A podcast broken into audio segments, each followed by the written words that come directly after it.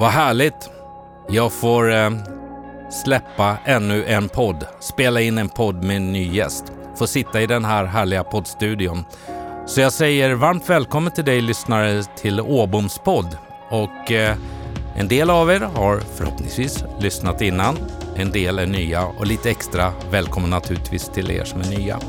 Och kanske då har du hittat Åboms podd via det samarbetet som jag har med tidningen Butikstrender från min gamla bransch, dagligvarubranschen. Det är så roligt och kul och jag är så nyfiken på vad det kan ge framöver. Så stort tack för det.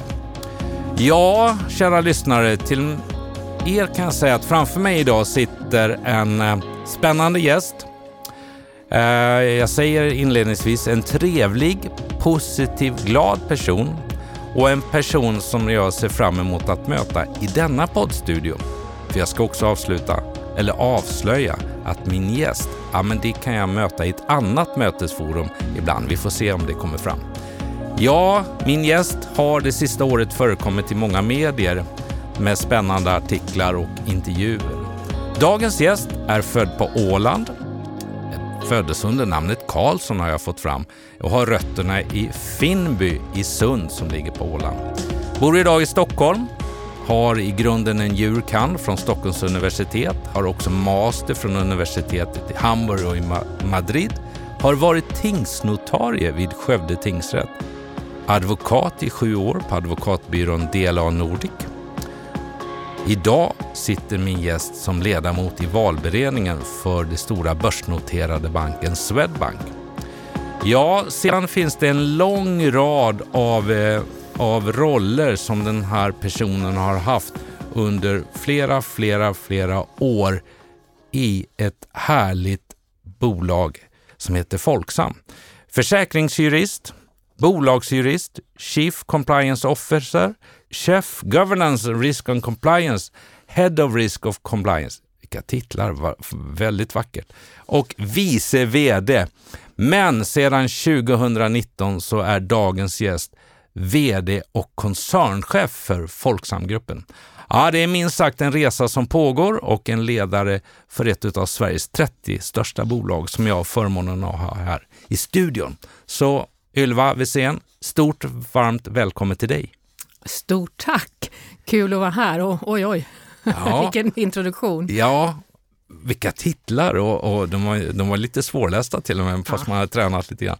Ylva, eh, Åboms podd vänder sig till alla personer som vill lyssna på intressanta personers resa i livet, få dela med sig av det ni, gör, det ni har gjort, vad eh, ledarskap betyder, vad kommunikation, det är det vi ska göra i ett samtal du och jag i de här delarna.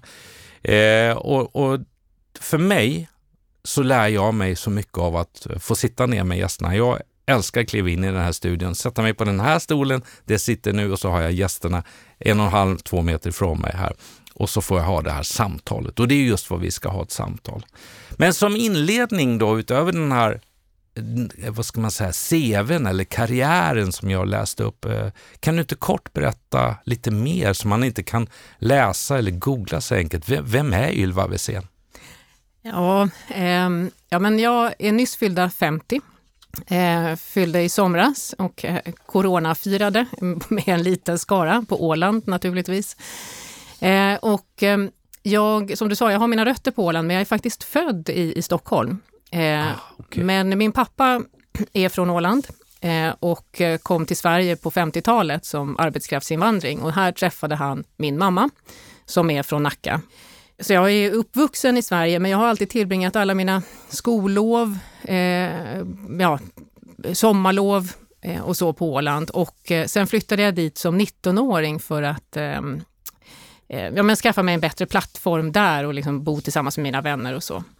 Så att jag är mycket på Åland och sen, sen tio år tillbaka så har vi ett eget sommarställe där, där vi tillbringar somrarna. Eh, och eh, ja, men höstlov och, och ja, långhelger på våren och så. Jag ville bli skådespelerska när jag var liten. Okay. Det var min dröm. Ja. Eh, och eh, spelade teater på vår teater, gick eh, teaterlinjen på Södra Latin i gymnasiet. Ehm, och ehm, ja, men så blev det inte riktigt. Utan jag blev jurist istället. Du blev jurist? Ja. En gedigen jurist, eller hur? Ja, jo, jag är nog ganska mycket jurist-jurist. Hur känns det att, att ehm, ha gjort den resa du har gjort från Åland till, till juristen till att nu leda ett, ett stort företag med, vad är ni ner, ungefär 3600 medarbetare och kollegor eller någonting i den stilen? Två koncerner, åtta försäkringsbolag och 3600 medarbetare. Ja, och vi försäkrar vartannat hushåll i Sverige. Eh, vilket betyder att vi är liksom en samhällsaktör. Folksam är en samhällsaktör och det vi gör, det påverkar Sverige. Ehm, och, och det, det har jag med mig i mitt uppdrag. Och det är klart att det här är ju en jätteresa som jag har gjort. Ehm, men jag är också väldigt glad över, över de, ja, men de möjligheter jag har fått och liksom de, de saker jag har varit med om. Att jag har den uppväxt jag har. Eh, att jag har haft mina drömmar om att bli skådespelerska, att jag har läst till jurist och har sutt, ja, varit advokat på byrå. Att jag har, ehm, och sen fått vara på Folksam i, i 14 år nästan nu, eh, innan jag fick möjligheten att ta den, den här rollen. Eh, och det är värdefullt för mig, för det här är ett bolag som, som vänder sig till hela svenska folket. Jag menar, vartannat hushåll och, och tre miljoner människor har sitt långsiktiga sparande hos oss. Vi är hela Sveriges försäkrings och sparandebolag och, och då är det också viktigt att, att man kan ha förståelse att Sverige ser inte ut på ett sätt. Nej. Det är väldigt mångfacetterat. Eh, och, När du klev in där ja, för snart 14 år sedan Mm. så tänkte du, här ska jag bli koncernchef. Var det din första tanke? Eller? tanken har inte liksom föresvävat mig förrän hösten 2019. Däremot när jag lämnade advokatbyrån och gick till Folksam, då var det en av delägarna där som sa, du kommer bli vd så småningom. Och jag tänkte, oj, oj, oj, nu har jag ingen aning om vad du pratar om. Nej. Vad häftigt. Ja, Ah, det är spännande. Och jag hittade ett, ett klipp i en tidning eh, där det står då att Dagens Industri utsåg Folksamgruppens nytillträdda vd och koncernchef Ylva Wesén till näringslivets 17 mäktigaste kvinna 2020. Eh, som vd för Sveriges största försäkringsgrupp, mätt i premier, är hon branschens verkliga tungviktare. Hon leder därmed en av de mest högljudda och radikala institutionella placerarna som gått i bräschen för mer ansvarsfulla investeringar. Bland annat som en av grundare av Net Zero Assessed Owner Alliance som skapar kapitalägare med en samlad förvaltning på 43 000 miljarder. Vad är det du har hittat på? Och? Och det är ju häftigt att läsa, Ylva. Jo, det är, är häftigt, men det är också... Folksam är så otroligt mycket större än en person, det måste man ju ha med sig. Du åstadkommer ingenting av det där ensam.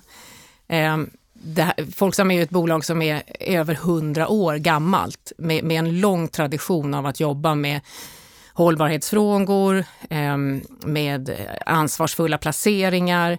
Och det här är ju, det här är ju en titel som Folksam får. Eh, jag innehar uppdraget just nu. Men, men det har ju ingenting, alltså det de läser upp där, det, det har ju inte med mig att göra på det sättet. Nej, men det, det, det, men det är ju ändå ett enormt eh, ansvar eh, att Absolut. ta det och jobba och det, en, en härlig utmaning måste det vara. En, ja, det, det, det är det. Och eh, det är klart att jag gör ju, även om jag kan mycket i försäkringsbranschen och jag har jobbat 14 år på Folksam, så, vilket nästan var en förutsättning när jag klev på det här uppdraget, för att jag kände organisationen. Och även om jag inte har jobbat överallt i organisationen så har jag varit i kontakt med stora delar av, av organisationen och verksamheten på Folksam. Eh, annars är det väldigt svårt att orientera sig. Eh, försäkring är, är hyfsat svårt i grunden Ja. och sen med en stor koncern att leda. Eh, men eh, vad ska jag säga, att det är... Sen har jag ju liksom min egen, min egen resa i det här, att vara ledare från att det är inte så länge sedan jag var gruppchef Nej. och sen blivit avdelningschef och sen enhetschef och sen så nu vd och koncernchef. Det är ju en resa i identitet också. Är det inte lite, jag vet att jag har ställt den här en gång innan till dig, är det inte lite ensammare just nu? Är du med på vad jag menar? Både och skulle jag säga. Ja, det är det för att på det sättet att jag har färre som jag kan tala förtroligt med. Det får Mm. jag välja väldigt omsorgsfullt. Ehm, jag har mina styrelseordföranden. Mm. Ehm, sen, och jag menar, du är ju min chef. Du sitter ju i Folksam Livs styrelse. Mm. Ehm, och så det är färre som, som jag kan tala förtroligt med och jag måste hela tiden eh, överväga vad jag säger till Mm. vem. Men samtidigt så har jag ju också 3600 medarbetare Ja. som hjälper mig i det här jobbet. Mm.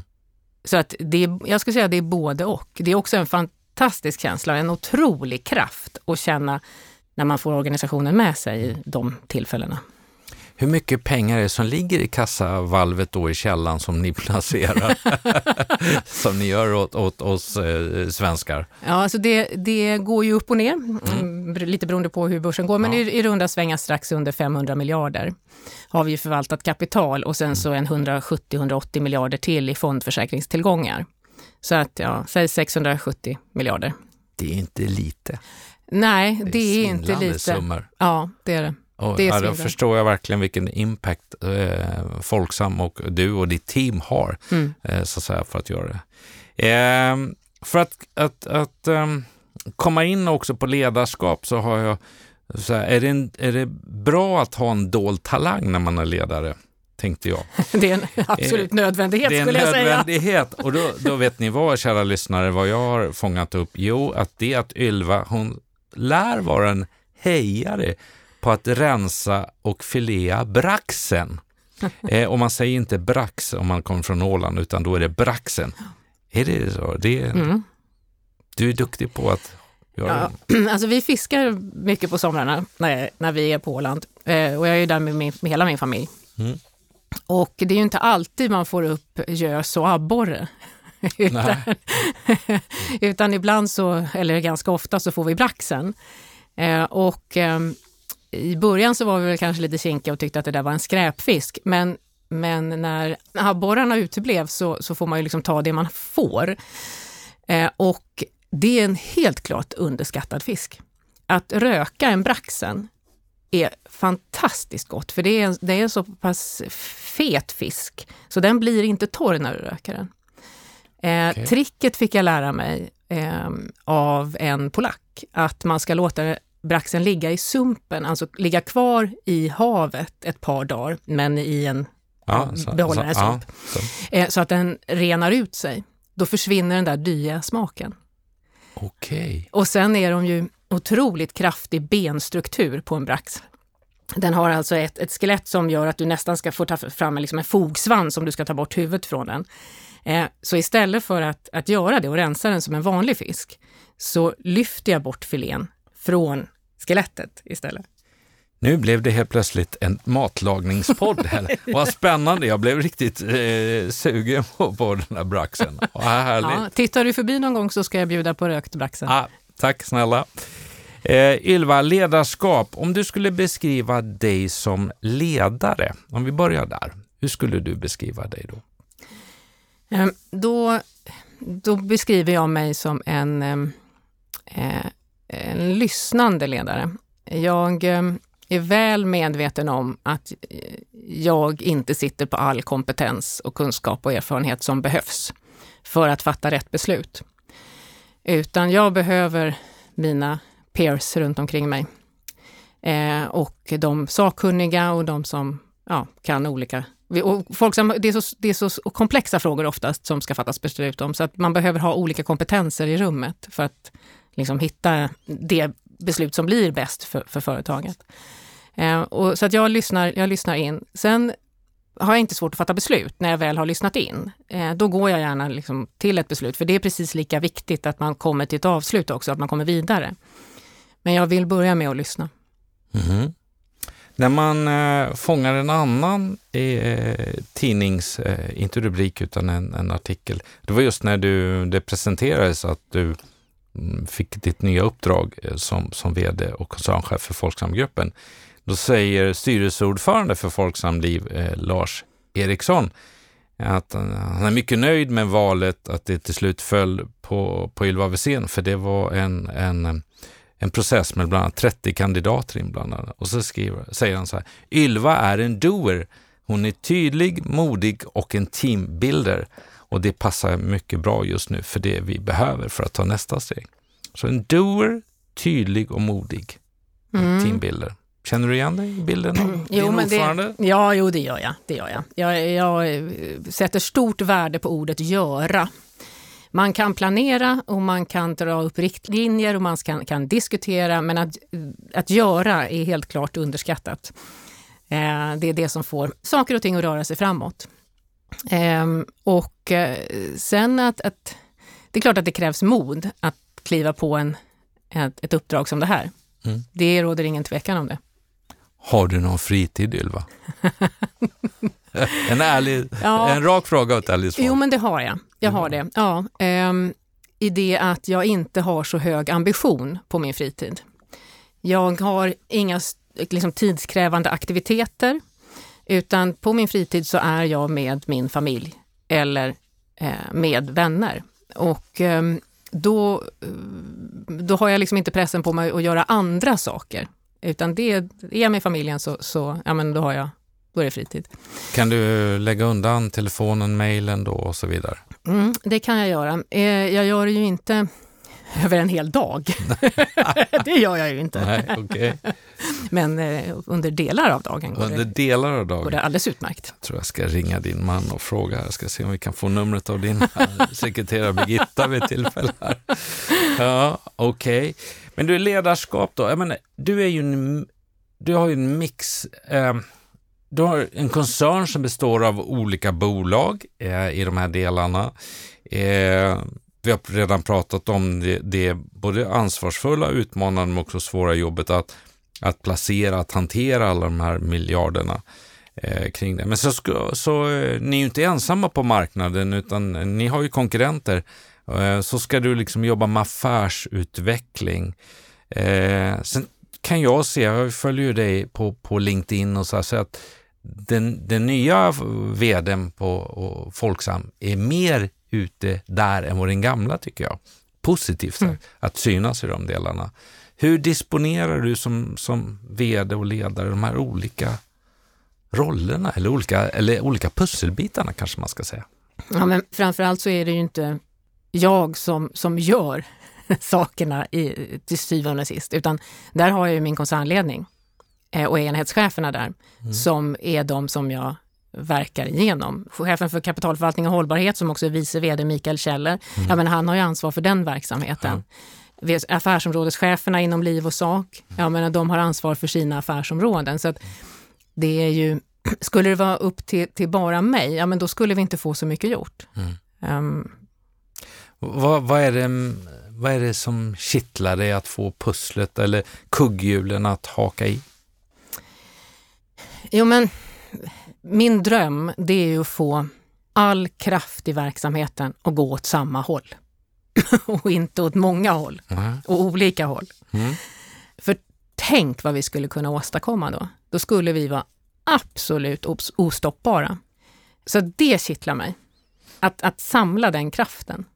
Och jag vet ju, det är ju det som är fördelen med att ha varit eh, suttit längst bak i ledet på det, i det företag som jag leder. Mm. Jag, när jag kom till Folksam så var jag försäkringsjurist och, och liksom sagt, ja men längst bak, bak i ledet.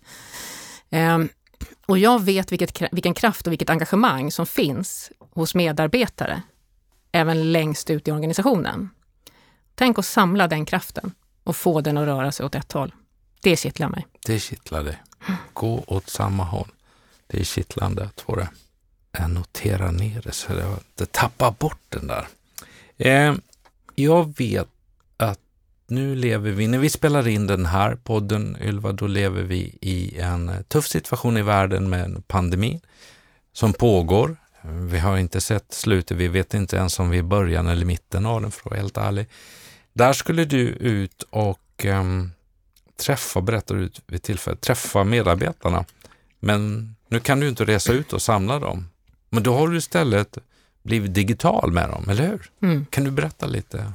Ja, men som ny VD så dels så hade jag min 100 dagars kommunikation naturligtvis. Eh, men det gjorde jag efter 10 dagar för jag sa att 100 dagar det är 10 dagar för mig. När jag varit, då hade jag varit 13 år på Folksam, jag kan liksom inte komma 100 dagar senare och säga nu har jag tänkt. Nej. Utan det, det fick gå på 10 dagar. Eh, och det gjorde jag liksom på intranätet då som ett, ett öppet brev. Men sen efter det så var det ju meningen att jag skulle ha en medarbetarturné och åka runt i Sverige till våra 28 kontor och, och, hälsa på och även ha stormöten i Skanstull. Eh, men jag hann till Helsingborg. Jag skulle vara i Malmö dagen efter och kvällen däremellan så, så stängdes Sverige ner. Eh, och jag blev hemkallad. Eh, och då, då gjorde vi precis det. Då ställde vi in eh, och sa att nej men det här medarbetarträffar, sådana stormöten, det ska man ju ha fysiskt. Eh, så då sköt vi på det. Men sen framåt våren så förstod vi att det här, det kommer inte släppa det här. Nu måste vi planera för hösten så att vi återupptar de här eh, träffarna. Och nu kör vi dem digitalt. Och, eh, vilket betyder att vi byggt upp en studio eh, och eh, jag står några meter ifrån en kamera för att fortfarande få den här energin och, och riktningen i rösten. Och eh, sen träffar jag då, ja, men det kan vara upp till 400 medarbetare som är med på, på Teams live eh, då och lyssnar och har möjlighet att ställa frågor i chatten. Och det är klart att lite trist är det. det du får ju energi av att vara ute och träffa människor och liksom, det, det är ju roligare Ja. av att få vara lite mer dynamisk på scen. Helt rätt, så. helt rätt. Men en sak som har blivit bättre med det här, eh, det är att frågorna blir fler. Och de blir, eh, det, det är lättare för vissa medarbetare, framförallt de som sitter längst bak, att våga ställa en fråga skriftligen i chatten som någon annan läser upp. Vi har en, en ja. moderator med. Okej. Mm. Eh, det är inte så jäkla lätt för en, en ung medarbetare att räcka upp handen inför 400 personer som sitter och lyssnar när vd talar och ställa en fråga och ta ordet. Men i chatten så vågar man det. Så att frågorna från, eh, från medarbetarna har faktiskt blivit bättre och det var ju o- någonting som oroade mig, att vi inte skulle få till den där dialogen som är ett av huvudsyftena när man åker ut så. Men det, det blev faktiskt bättre. Sen Hur- saknar jag ändå att åka runt. Men... Ja. Hur, hur har medarbetarna tolkat att ändå få möta dig fast nu gör det digitalt? Vad blir responsen? Ja, det är väl det som är en av nackdelarna med att vara VD, för jag hör bara de positiva re- reaktionerna. Eh, och ehm, det, jag tror säkert att det är blandat. Jag tror det.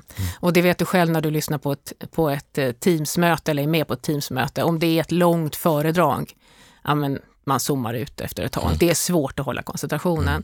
Och så det har vi fått eller liksom tänka till när vi kommer till, jag har inte hela mitt ursprungsbildspel och sådär, utan jag eh, har kortat. Ehm, jag hoppas att det uppskattas. Jag tror att det är ännu viktigare nu i coronatider när så många jobbar hemifrån. 72 procent av alla medarbetare på Folksam jobbar heltid eller delvis hemifrån. Och det är inte så lätt att sitta där ensam ute och undra om det är någon som ser en. Eller vad händer i, liksom, i, i stort på Folksam. Så att jag hoppas att det uppskattas att, ehm, att vi kör de här medarbetarträffarna.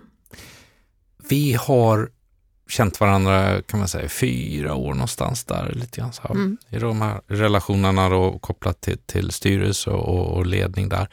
Jag undrar, är du lik, jag upplever dig som väldigt tillgänglig. Eh, från första dagen vi träffades, eh, du, du var liksom massor. Vi ska, jag ska säga så här, jag ställde en fråga till, för ett tag sedan till Ylva så här, Måste man älska alla dessa papper eh, som de trycker ner på oss i styrelsen? Vi får ungefär 4 till 900 sidor varje gång. Och du bara, ja det är så roligt här. Det var lite överdrivet där, men lite så här, fan, och det är ju liksom, och, och som ny, alla förkortningar och allt, man bara famlar ju. Mm. Men där fanns, du var alltid tillgänglig, fanns någon form av inbyggd liksom, tillgänglighet och omtanke. Det är klart att vi måste supporta, serva och hjälpa till. Är du så, även, är det din profil? Ja, alltså, ja, ja, alla skulle nog inte beskriva mig som service-minded och tillgänglig. Nej. Eh, det kan ligga någonting i att du sitter i styrelsen i Folksam. Ja, okej. Ja, ja. Eh, däremot så är jag mån om eh, att när man talar eh, till, om det är så i styrelsen eller till medarbetare eller i något annat sammanhang, att så jag är väl medveten om att jag är sändare och du är mottagare. Det är mitt ansvar att se till att du förstår. Eh, Och det här har jag nog med mig från när jag varit processande advokat och varit i domstol. Det är mitt ansvar att se till att jag talar begripligt och att du förstår. Så att där finns det nog en, en service-minded. Service ja. ja. Jag, eh, jag gjorde en liten sak inför att jag skulle träffa dig. Jag kontaktade någon som jobbar med dig, eh, eh, som, som, som, där du är chef eller så. Så sa jag, kan inte du beskriva Ylva som chef och ledare med tre punkter? Och vet du vad jag fick tillbaka? Nej. Intresserad och vetgirig. Två, självständig och tre, smart. Det var inte dåligt. Nej, visst var det härligt att höra det? ja. Och det var liksom ja. positivt från personen. Och det upplever jag ju. Du, du, den bilden, och det ska jag säga till er lyssnare när vi sitter här i studion, Ylva och jag, så är det det är, det är glada ögon, det är pigga öron, det är ögon, det är intresserat kroppsspråk på något sätt. Och du är intresserad. Och det har jag ju fått förmånen också se när vi har överläggningar och olika saker i, i styrelsen. Du är verkligen där. Det känns du, du slarvar inte på något sätt. Du... Nej, alltså slarvar och slarvar. Det är klart ja. att även jag eh, rundar hörn ibland och, och genar, annars skulle man inte överleva. Ja. Men, men ja, jag är eh, väldigt mycket här och nu och eh, intresserad av det jag håller på med här och nu. Mm. Um, och ska man göra saker så, så då är det lika bra att göra dem bra. Mm. Uh, och um, inte på, med, med, med ett egen distans, mm. för det, det vinner ingen på. Mm. Och det blir ganska ointressant. Vad är dina drivkrafter? Det har jag funderat på lite grann och, och det gör jag ju med mina gäster. Som ledare, vad är det mm. som driver dem? Och, och lite grann kanske eh, också för min egen skull fundera på olika drivkrafter. Det, nu är man inne i en tung period, budget, affärsplan, jag har, man ser knappt familjen. Lite här. Och i helgen har jag kört långa pass och då säger min son, jag ska aldrig bli vd-pappa. då får man se en eftertanke, så här, ja. okej. Okay. Um, men det är ju någonting som driver en och så vidare. Vad är dina drivkrafter? Eh, ja, min yngsta dotter hon sa att hon hatade Folksam vid ett tillfälle. Ja, hon, hon ja. fick inte se mamma. nej, nej. Men det gör hon inte längre, så det var ju bra. Eh, nej, men eh, vad ska jag säga? Jag, jag har nog med mig väldigt mycket från min uppfostran att man ska alltid göra sitt bästa. Eh, och ehm, man kan alltid göra någonting lite bättre idag som eh, underlättar morgondagen och sådär. Jag har svårt att säga vad det är som är liksom min drivkraft liksom utöver det. Jag har ett uppdrag och då, då att göra det så bra som möjligt. Jag har ett ansvar för, för Folksam eh, och det, eh, det är ju någonting som jag vill ta och som, som jag har fått det uppdraget och det ansvaret och det, det tar jag på fullaste allvar. Mm. Um, så det är en drivkraft. Um, och sen, ja, att, att, att göra det så, så bra som möjligt. Det är så, vi har så många kunder som är beroende av att det vi gör är bra och att vi gör det på ett bra sätt och på mm. ett schysst sätt. Och det, kan man inte, alltså det får man inte misslyckas med. Mm. Det, det uppdraget är så pass viktigt. Men vad, hur är du? Du hoppar upp i sängen klockan 04.37 eller på morgonen eh, och jag vill säga, eh, jag har, har ju spelat in och släppt en podd med eh, Kristina eh, Stielli och hon sa att ja, men jag går inte upp ur sängen förrän jag bestämt vad jag vill ha ut av den dagen. Och jag känner bara, oh, det hinner inte jag, utan man har inbokat. Man, vill lite, alltså, mm. man har ju sitt... Eh, mm. Vad är det som får dig ändå liksom, vara motiverad? För jag menar, din dag x antal möten mm. varje dag eh, och så vidare. Ja, det är massor som ska göras. Ja. Och det är klart att jag går upp eh, vid sextiden på morgonen mm. och sen så ehm, eh, åker jag oftast till jobbet, men nu jobbar jag också delvis hemifrån. Mm. Eh, men det som driver mig, det är det som finns på, på agendan här och nu, men också var vi, vart vi ska förflytta Folksam om fem år. Mm. Det driver mig. Eh, och det är ju ett arbete som, som pågår nu, den dialogen i koncernledningen och de, liksom de spaningarna som vi har. Mm. Eh, och om... Sen vill jag, jag vill heller inte vara någon bromskloss. Alltså, det är så många som är beroende av att jag sköter mitt jobb.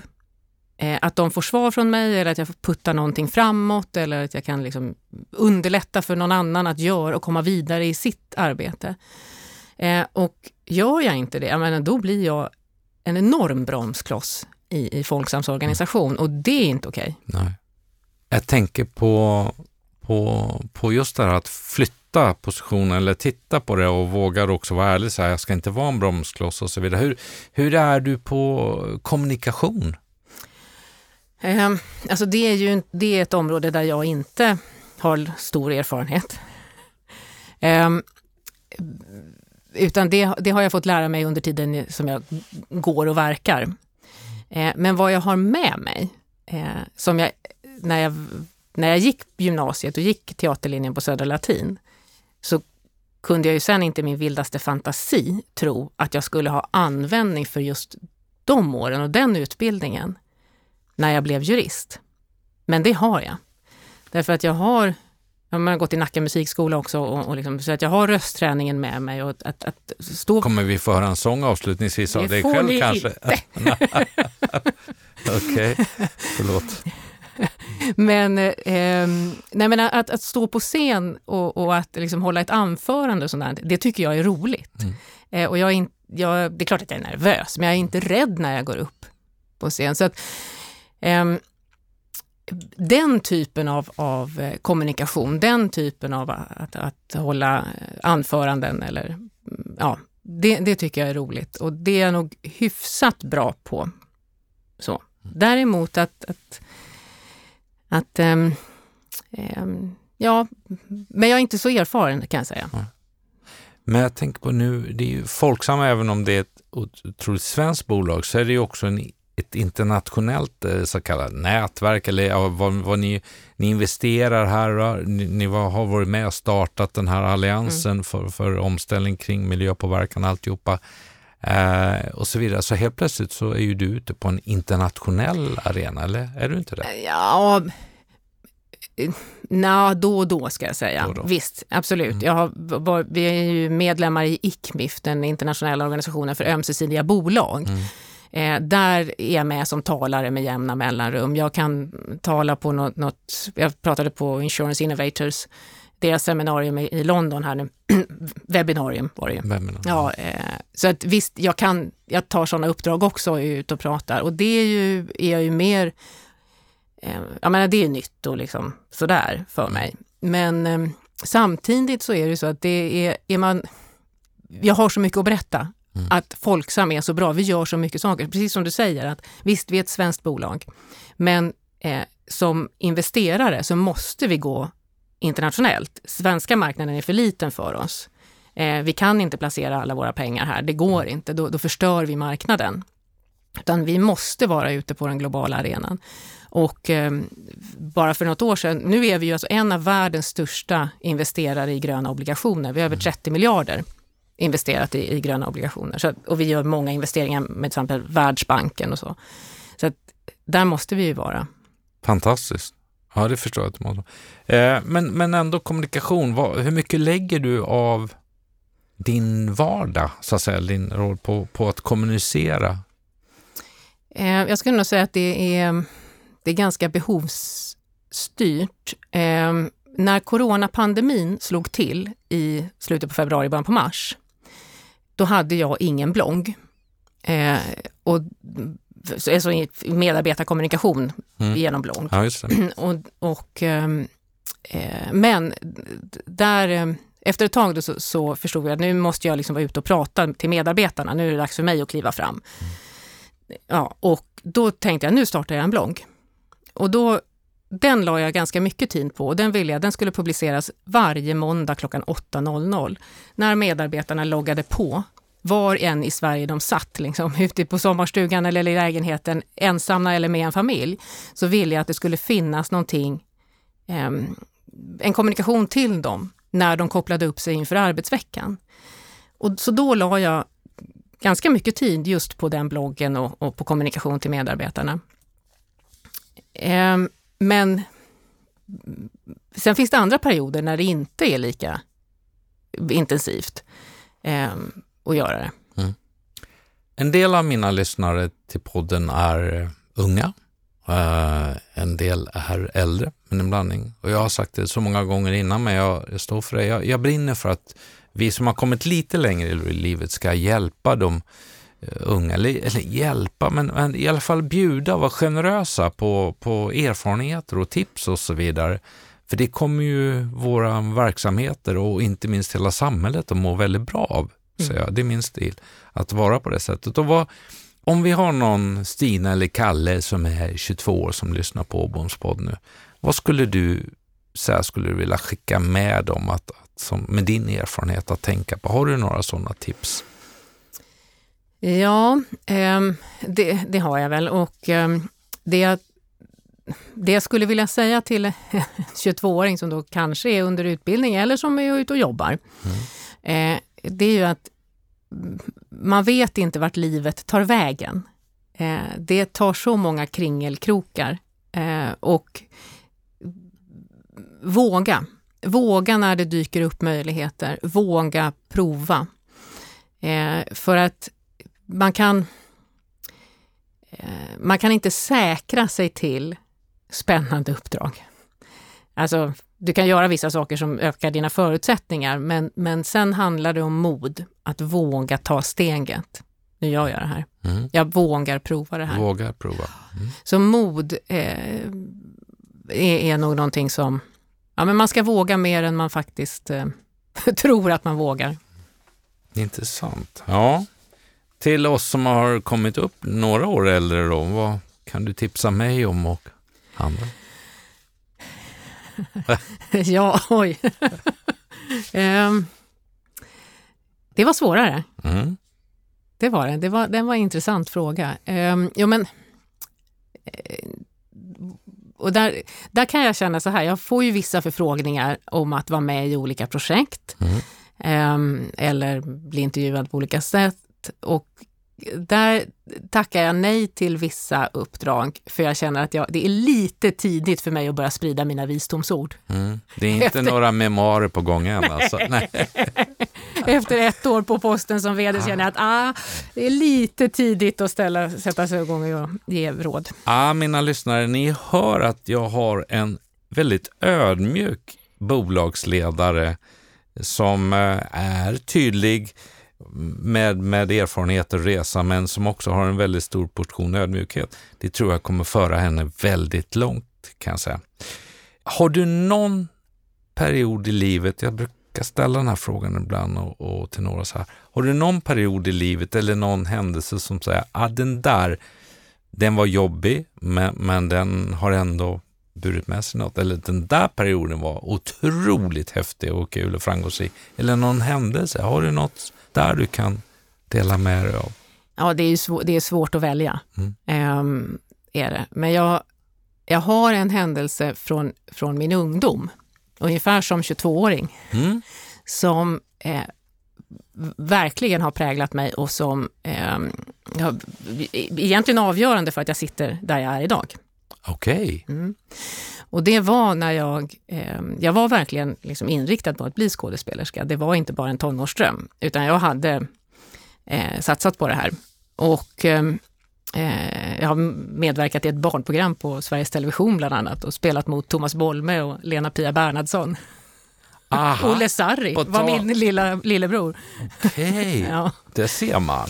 Men eh, efter ett tag så, så eh, insåg jag att aj, det här, jag kommer inte lyckas med det här. Eh, det här kommer inte gå.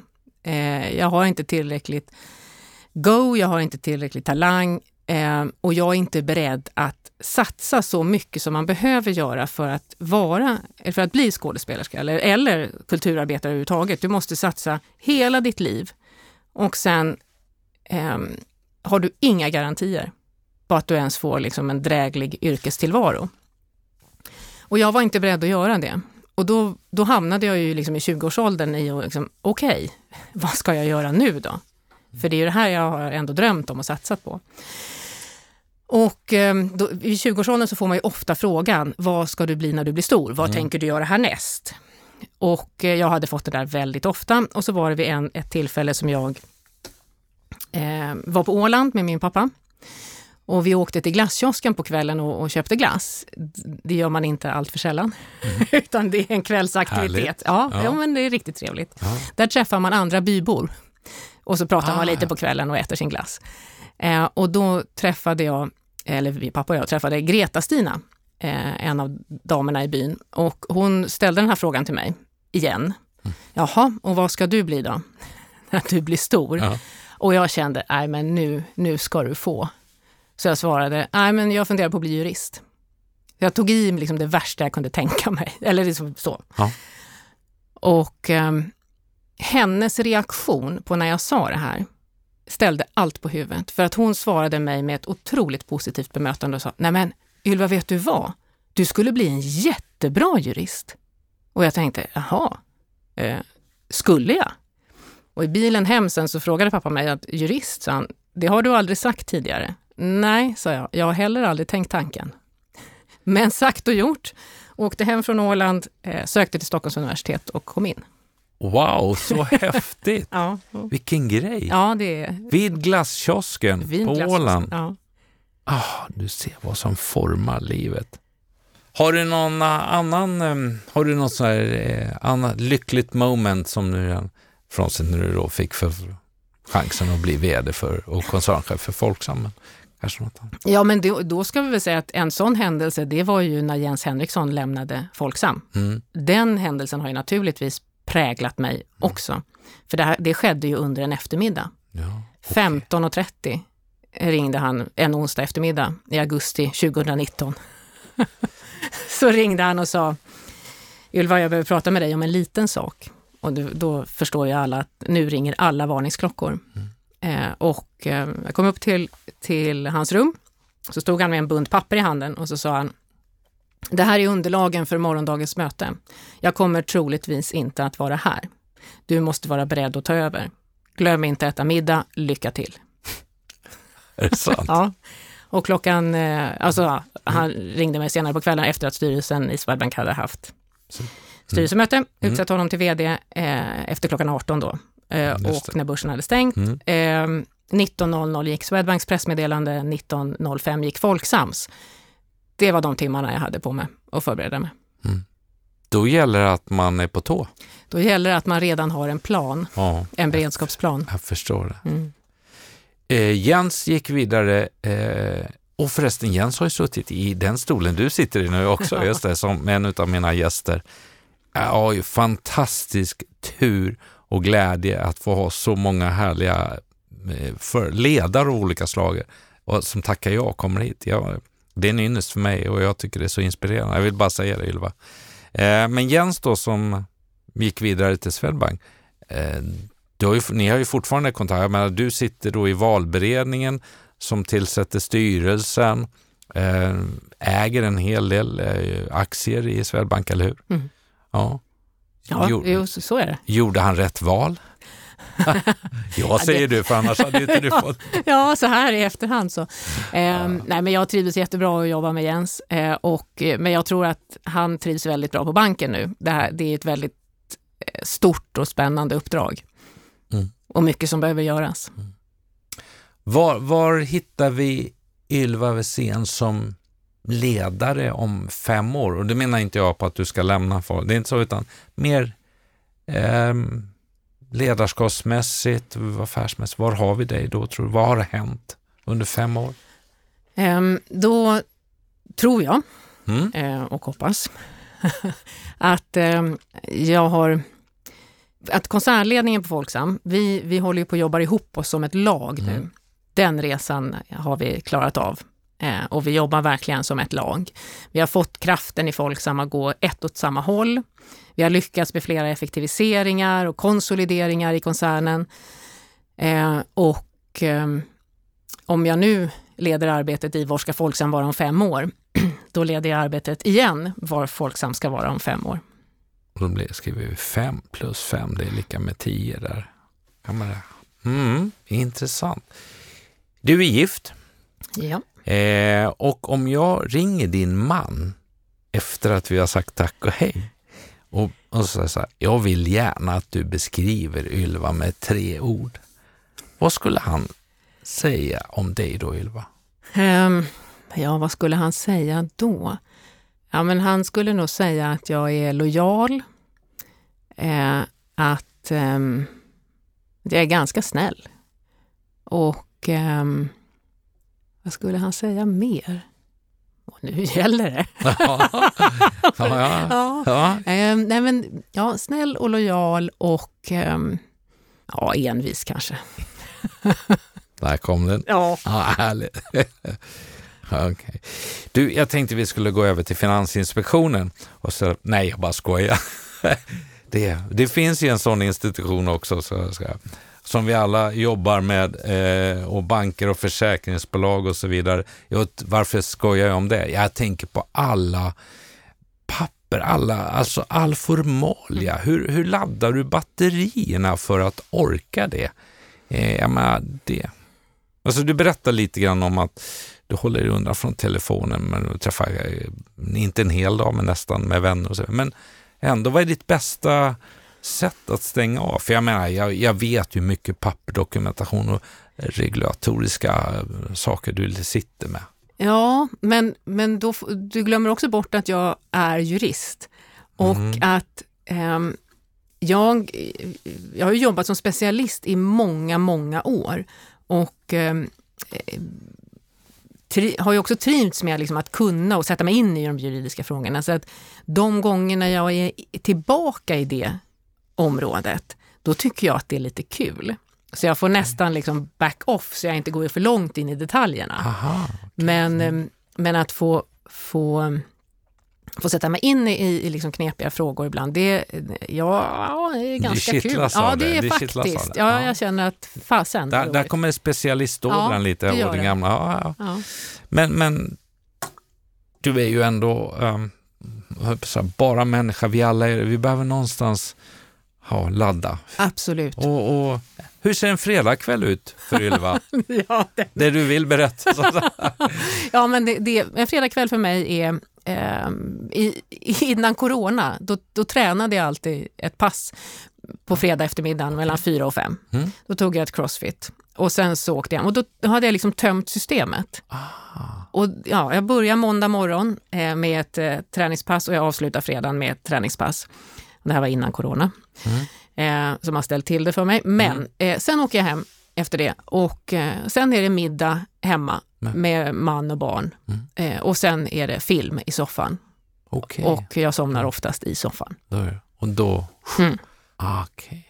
Så, Mm, bra sätt att breaka också veckan med det som du sa, det här träningspasset då, för att stänga och tömma och så vidare.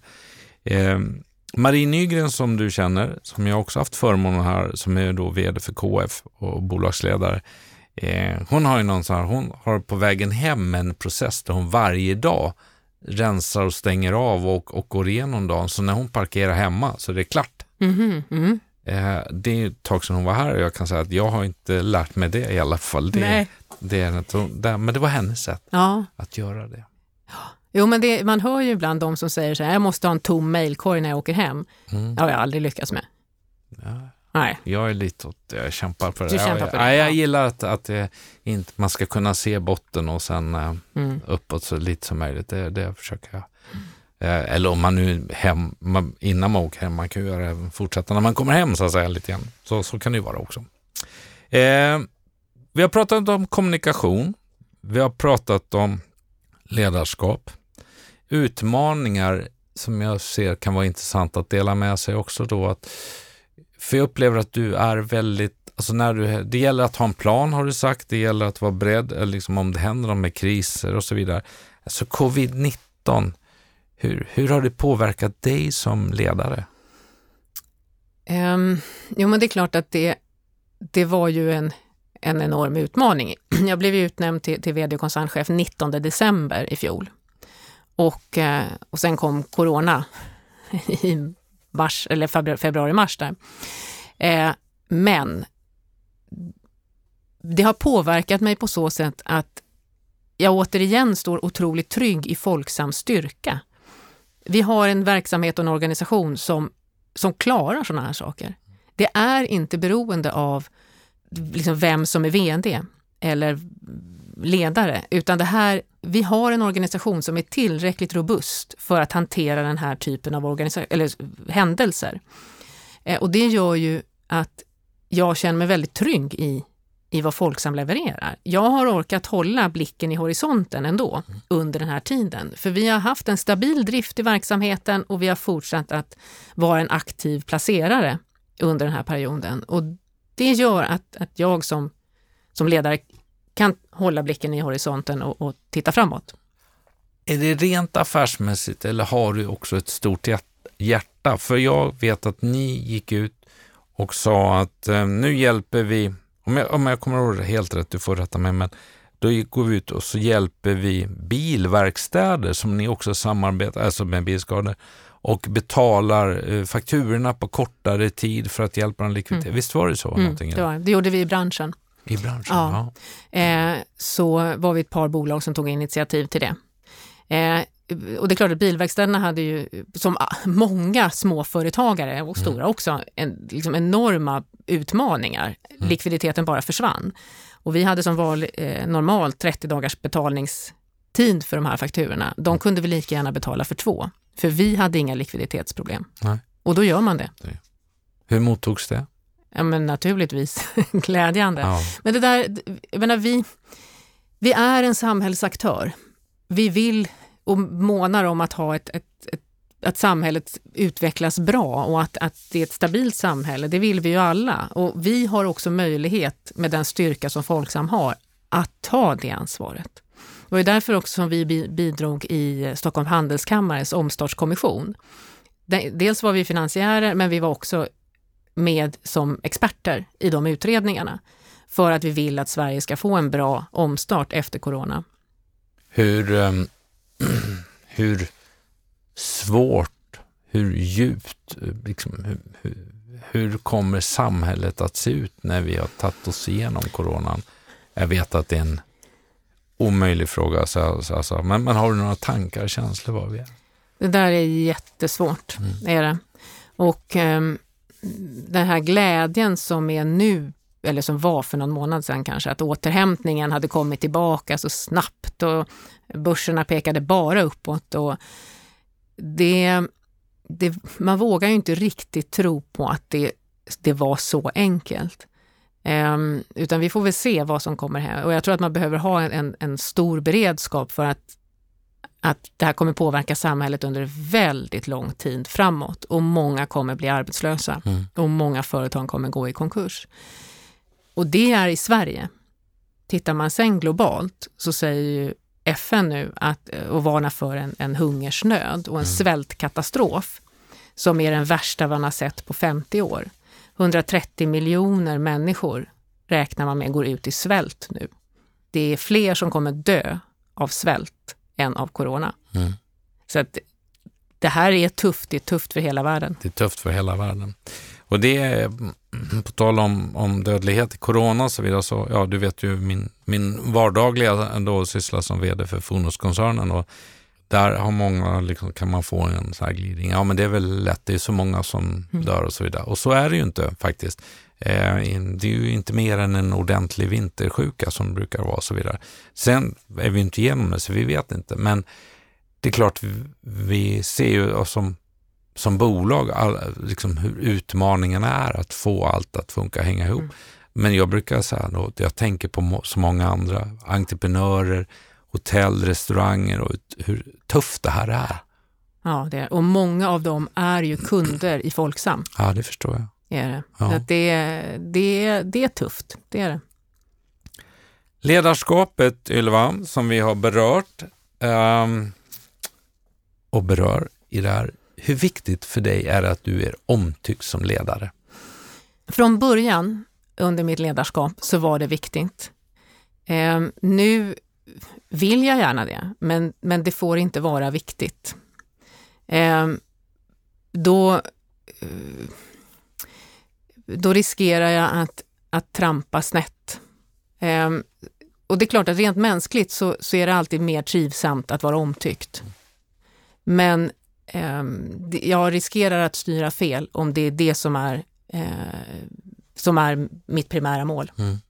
Ja, så att, vad, vad ska jag säga? Att det, det är rent, rent mänskligt, absolut, men... men um, mm. Vad gör dig riktigt glad som ledare? Ja, men det är ju när, när eh, medarbetare löser en omöjlig uppgift. Det här går inte. Eh, det här är omöjligt eller det här blir en enorm utmaning. Eh, och sen så lyckas de lösa den och att då, liksom, de själva känner en glädje och stolthet över det. Det är häftigt, är det. Och sen också när vi rustar för kris och det inte blir så farligt som vi trodde, då, är det, då blir jag också glad och lättad. Eh, och sen, ja, hur ska jag uttrycka det här utan att det låter pretentiöst, men du vet när godhet vinner, när, när när man ser att ansvarsfulla placeringar ger bättre avkastning än icke ansvarsfulla, då blir jag glad. Då blir du glad. Ja. Och det ja, vet jag ju eftersom jag då är med och sitter i styrelsen. Det är ju verkligen en, en prioritet att försöka hitta de här ansvarsfulla placeringarna, investeringarna och bidra på något mm. sätt. Eh, det tycker jag är häftigt att vi har ett sådant bolag i Sverige. Som, och vi har många sådana bolag naturligtvis, men att det här är ett bolag som kommer ut också internationellt och får uppmärksamhet för att vi, vi har det fokuset. Mm. Ja. Så när det gör ansvarsfulla placeringar, när det ger effekt, då blir bra. Då är det en stolthet. Mm. Har vi något mer som gör vd och koncernchef på Folksam stolt? Ja, men och det, glad. ja, ja det, jag gillar ju Folksam. Jag gillar företaget, jag gillar våra värderingar, jag gillar den verksamhet vi bedriver, jag gillar vad vi gör för våra kunder. Allt det gör mig otroligt stolt. Mm. Och när det då är, är en, en... Ja, men hur, hur firar ni det, sånt här? Så, förlåt, jag ska inte säga fira, det är ett fel ord, men men hur, hur gör ni ändå? För det gör så mycket bra. Hur, 3600, när jag säger mer, firade mer, hur uppmärksammar ni de ja, stegen? Hur gör du? Där hittade du min svaga punkt. Som ledare. Ja, det gjorde du. Det, det där ligger inte... Jag har ingen naturlig ådra som säger nu ska vi fira. Men jag har tillräckligt många runt omkring mig som säger Ylva, nu är det dags att fira. Um, för det är precis lika viktigt som att mobilisera kraft eller att sätta mål och att ge, själva genomföra, så att man faktiskt mm. också eh, firar framgång. Är du, Ylva Wesén, är du lite grann av en maskin som bara kör på? Du då som inte stannar och tankar, du behöver inte ens tanka utan du kör eller? Nej, nej det, det, jag är inte någon superwoman. Nej. Det är jag inte. Um, men jag, jag säger så här att att ha ett uppdrag och leverera på det, det ger mig en enorm upp, liksom, egen tillfredsställelse. Och på det sättet så, ja okej, okay, eh, där, där, finns väl kanske någonting maskinellt i det. Mm. Eh, men jag, är, jag behöver absolut liksom, ta time-out och jag behöver ha, ha, min återhämtning. Det är inget, inget snack om saken. Och jag behöver åka till Åland med jämna mellanrum och sätta ner fötterna. Filea braxen och röka ja, precis. Mm. Blicka ut över havet och mm. bara vara. Mm. Där är jag bara Ylva. Ja. Och det, jag behöver definitivt de där stunderna där jag hämtar kraft och bara, bara är. Härligt. Ja, men jag ska säga så här Ylva, jag uppskattar den dialog vi har då rent professionellt därför att du är, ja men det är ordning och reda. Du är rak, du är påläst, du är där, du är närvarande. Det, ska jag säga, det är en stor grej jag upplever. Du är verkligen närvarande eh, och kliver in och, och, och sen är Ylva, ni har ju fått höra några skratt här och Ylva har inte svårt till skratt och leende. Det är ju positivt för att vara en bolagsledare och inte vara någon strikt eh, eller i kostym och så vidare, eller hur? Nej, nej. nej det är bra. Nej, du bjuder mm. till där. Ja, det måste man. Ja. Eh, Ylva, en timme går fort. Verkligen. När man sitter ner och pratar så här.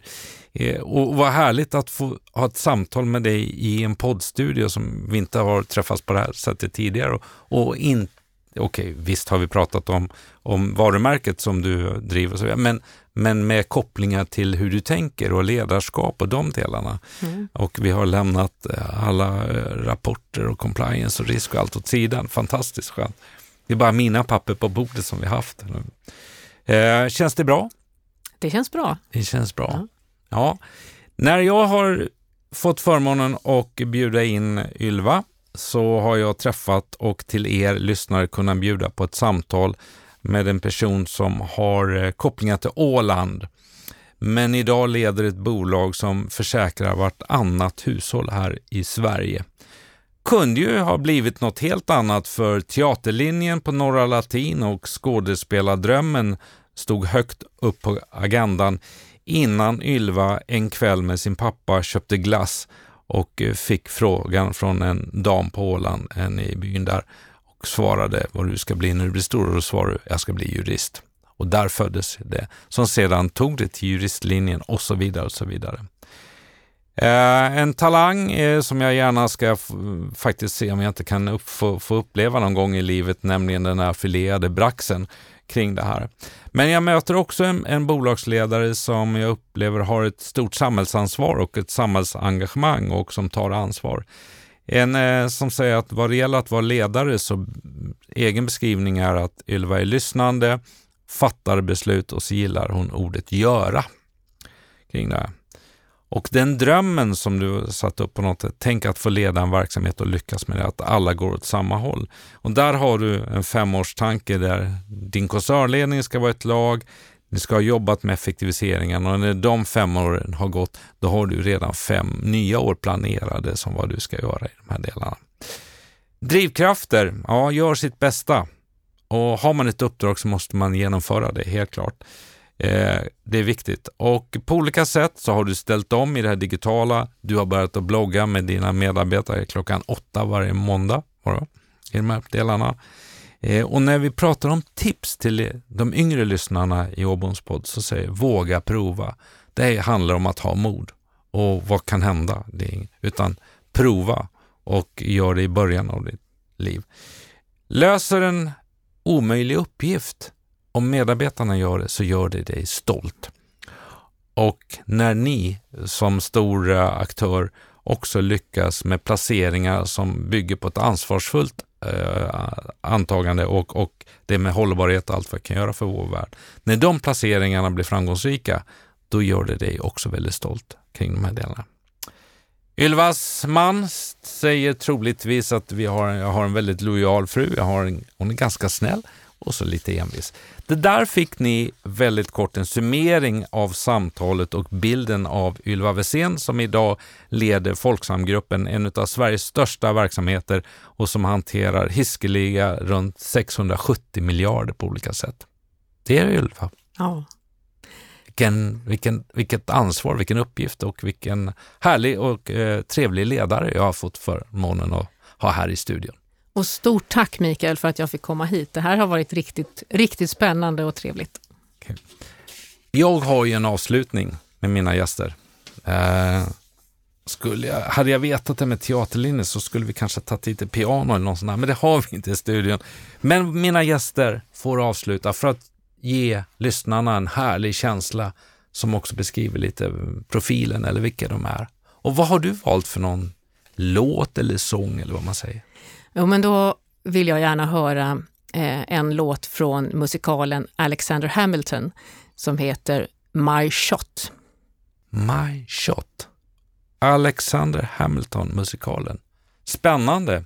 Med det Ylva, stort tack. Lycka till med ditt uppdrag i fortsatta då, eh, förvärv som, som VD för Folksam. Ta väl hand om dig och var rädd om dig i dessa tider. Tack detsamma Mikael. Tack. King's College. I probably shouldn't brag, but dag, I'm amazed and astonished. The problem is I got a lot of brains, but no polish. I gotta holler just to be heard with every word. I drop knowledge, I'm a diamond in the rough. A shining piece of coal, trying to reach my goal. My power of speech, unimpeachable. Only 19, but my mind is older. These New York City streets get cold. I shoulder every burden, every disadvantage I've learned to manage. I don't have a gun to brandish. I walk these streets famished. The plan is to fan this spark into so let me spell out the name. I am the A-L-E-X-A-N-D-E-R.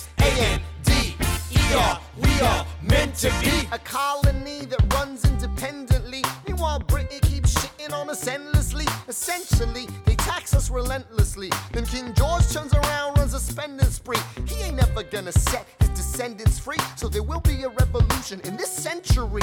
And to me, He says in parentheses. don't be shocked when your history book mentions me. I will lay down my life if it sets us free. Eventually, you'll see my ascendancy. And I am not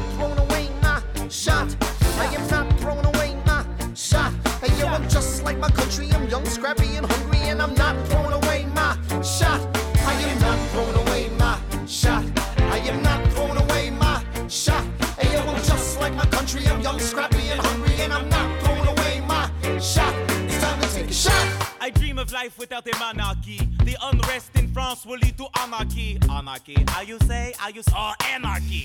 When I fight, I make the other side panicky with my shit. Yo, I'm a tailor's apprentice, and I got y'all knuckleheads and local parentis. I'm joining a rebellion, cause I know it's my chance to socially advance. Instead of sewing some pants, I'm gonna take a shot. And but we'll never be truly free until those in bondage have the same rights as you and me. You and I do or die. Wait till I sally in on a stallion with the first black battalion. Another shot. Geniuses, lower your voices. You keep out of trouble and you double your choices. I'm with you, but the situation is fraught. You've got to be carefully taught. If you talk, you're gonna get shot. Bird, check what we got. Mr. Lafayette, hard rock like Lancelot. I think your pants look hot. Lawrence, I like you a lot. Let's hatch a plot blacker than the kettle calling the pot. What are the odds that God will put us all in one spot? Pop in a squad and conventional wisdom, like it or not. A bunch of revolutionary manumission abolitionists. Give a position, show me where the ammunition is. Oh, am I talking too loud? Sometimes I get overexcited, shoot off at the mouth. I never had a group of friends before. I promise that I'll make y'all proud. Let's get this guy in front of a crowd. I am not throwing away my shot. I am not throwing away my shot. Hey, yo, I'm just like my country. I'm young, scrappy, and hungry, and I'm not throwing away my shot. I am not throwing away my shot. country and not scrap.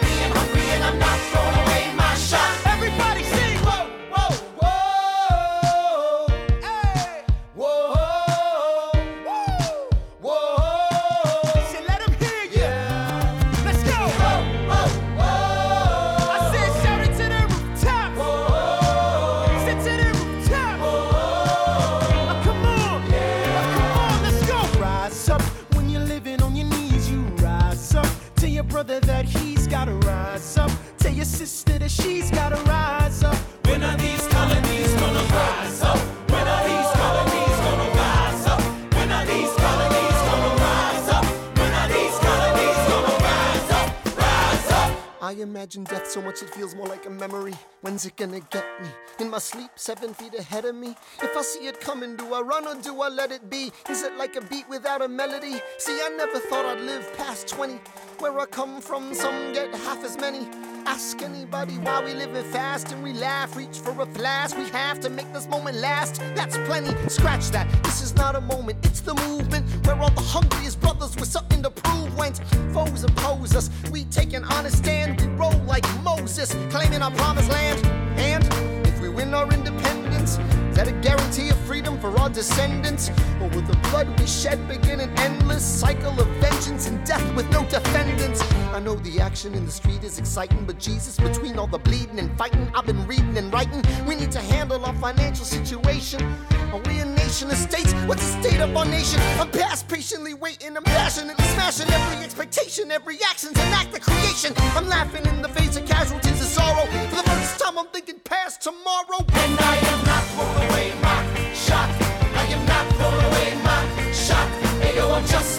country, I'm young, scrappy, and hungry.